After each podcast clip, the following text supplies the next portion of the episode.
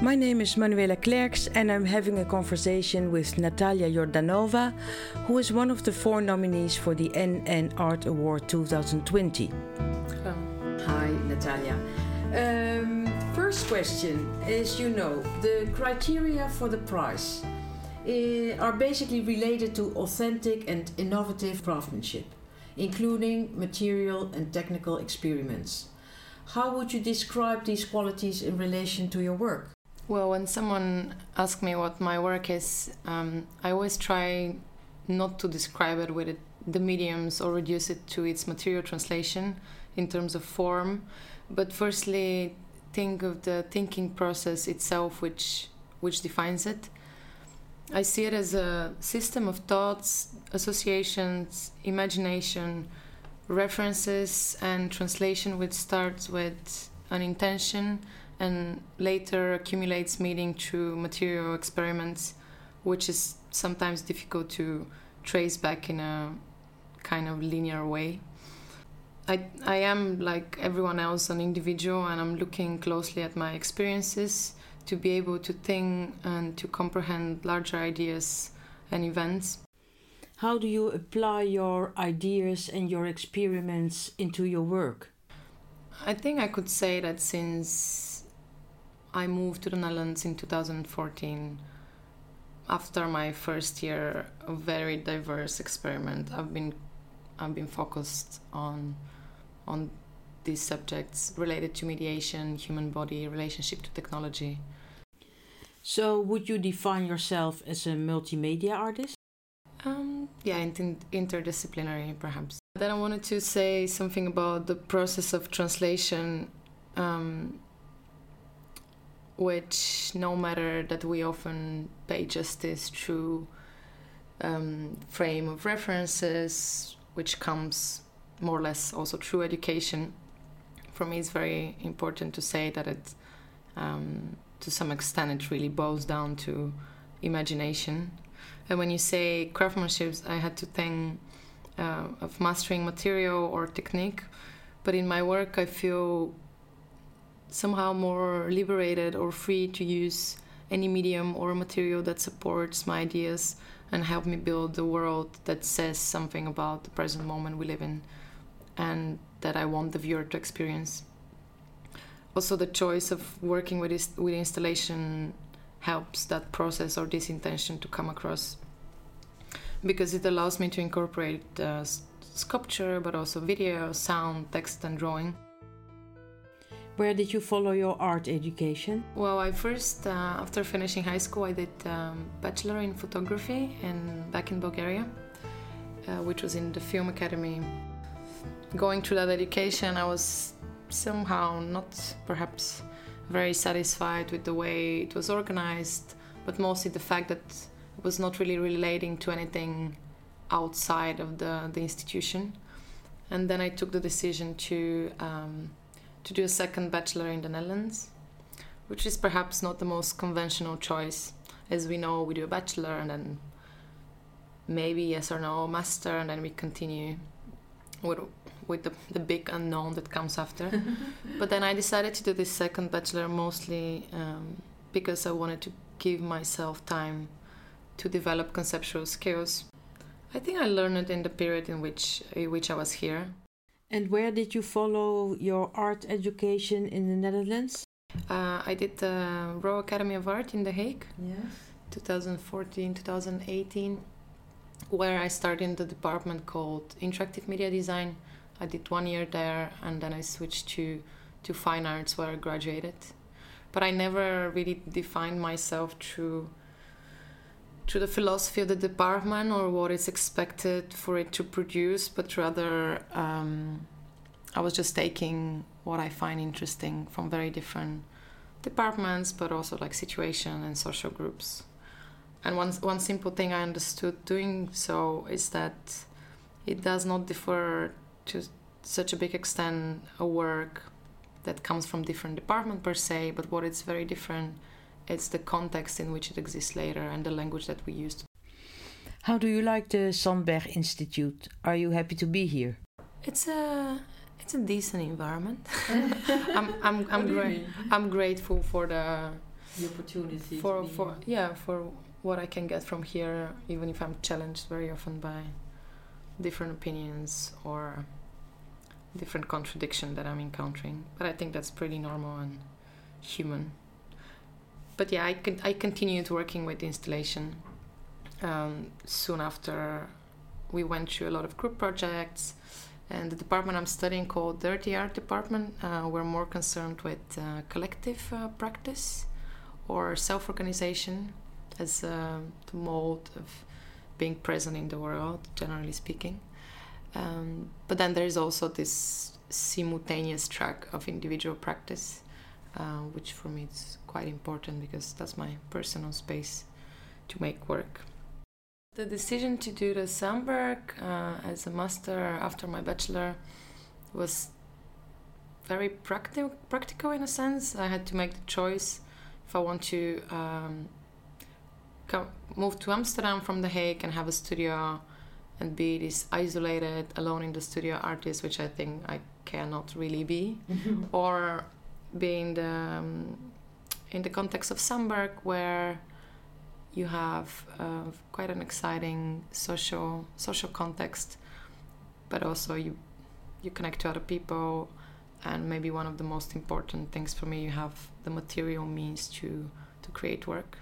Well, let's talk about the upcoming fair, Art Rotterdam. Your work will be on display at the section of the NN Art Award, but also at the booth of Structura, a gallery that is based in Sofia and that will showcase your work at the fair. Are you looking forward to it? For the occasion of Art Rotterdam, they invited me to to show work with them in the new art section, curated by the Brazilian curator Tiago Pinto.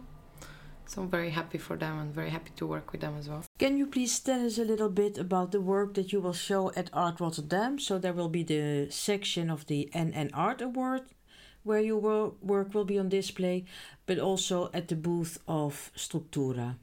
So for Art Rotterdam, I'm currently um, working on a sculpture installation called the Simultaneous Truths.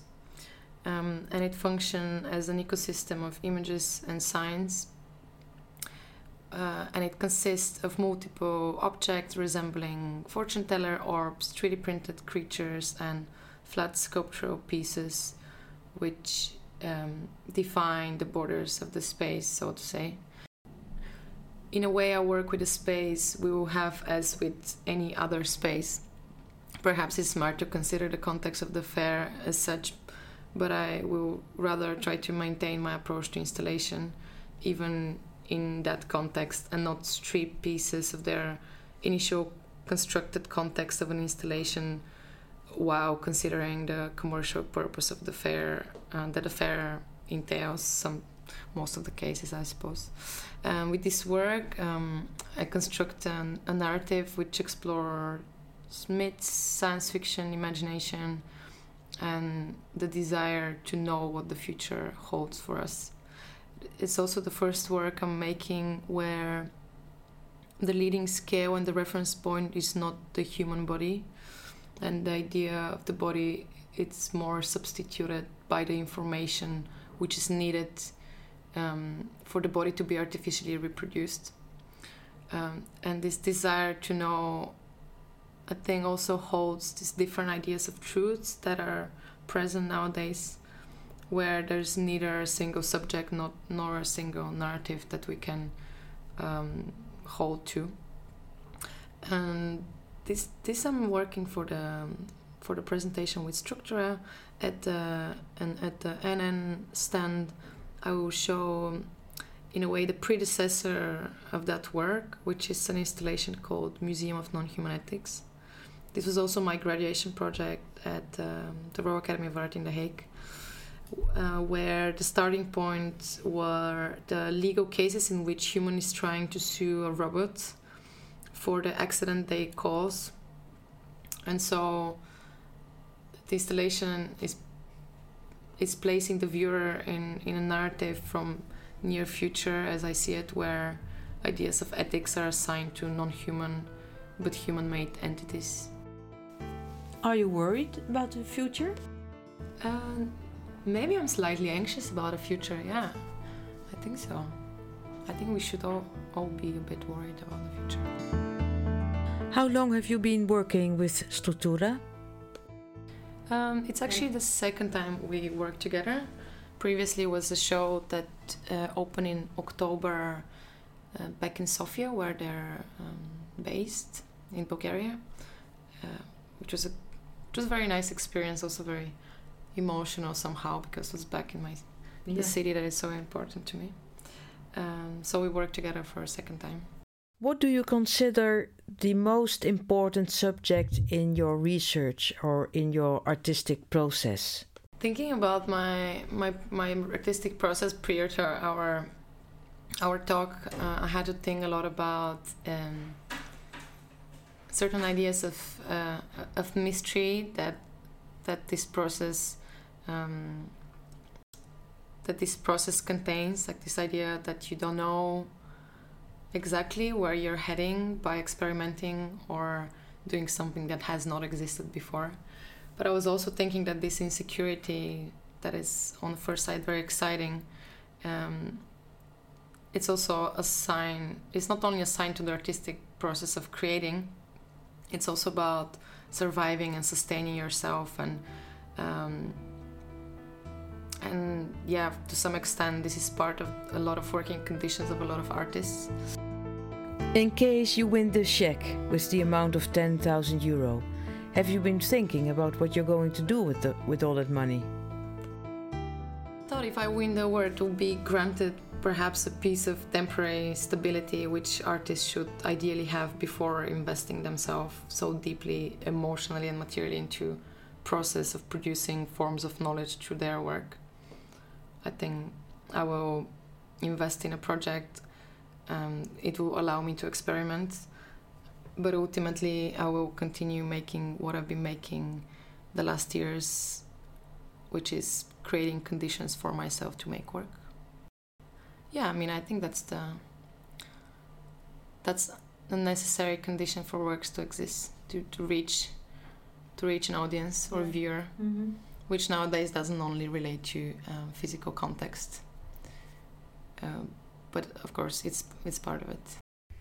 How important is craftsmanship in your work compared to the content, your concepts, your ideas?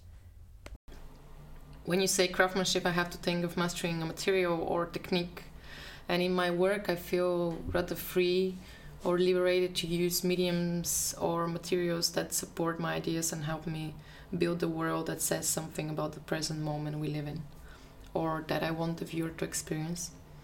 The choice of working with the installation, I suppose, also helps that process by allowing me to incorporate sculpture, video, sound, text, or drawing the installation in that sense is always a world, an ecosystem with its own rules where hierarchy between material and medium collide and puts them in question. It is the mystery in this that this collision creates. The material and the technical experiments are, I feel, are always function of the mind, and in that sense, in our thoughts, in the process of making something, it is about the unknown. I had um, I had a conversation with a friend earlier today, and he called that unknown that I was trying to describe a mystery, as in like a necessary mystery that, according to him, we miss due to the existence of the internet. And in that sense, my experiments are creating something which has not existed before. It's a form of finding something new and creating that mystery not i'm trying to think that it's not that dangerous one that obscures and confuses but the one that challenges us the one that breaks ideas of what we already know by creating new space for knowledge both in terms of ideas and materiality and in relation to the process of ideas imagination and consequently making i call that process uh, uh, pseudo reverse engineering. Because after having some ideas or uh, starting point for an installation uh, it's followed by often imagining by drawing. And later it, it is like trying to understand what is that thing that i imagine where it comes from or what it belongs to how it materializes and what what is the, the empirical data of those materials that they carry on that will communicate or make the viewer feel. This, this general questioning of what medium is in relation to another one, I also reflect in the material process, or I try to. I tend to use a technique, perhaps not the way they're initially meant to.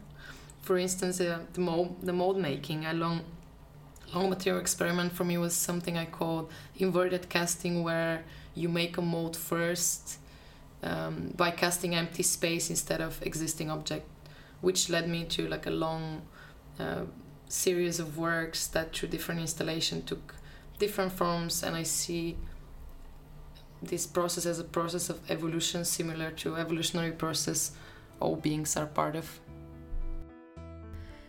Well, Natalia, thank you so much for this conversation. I was really happy to hear about your work.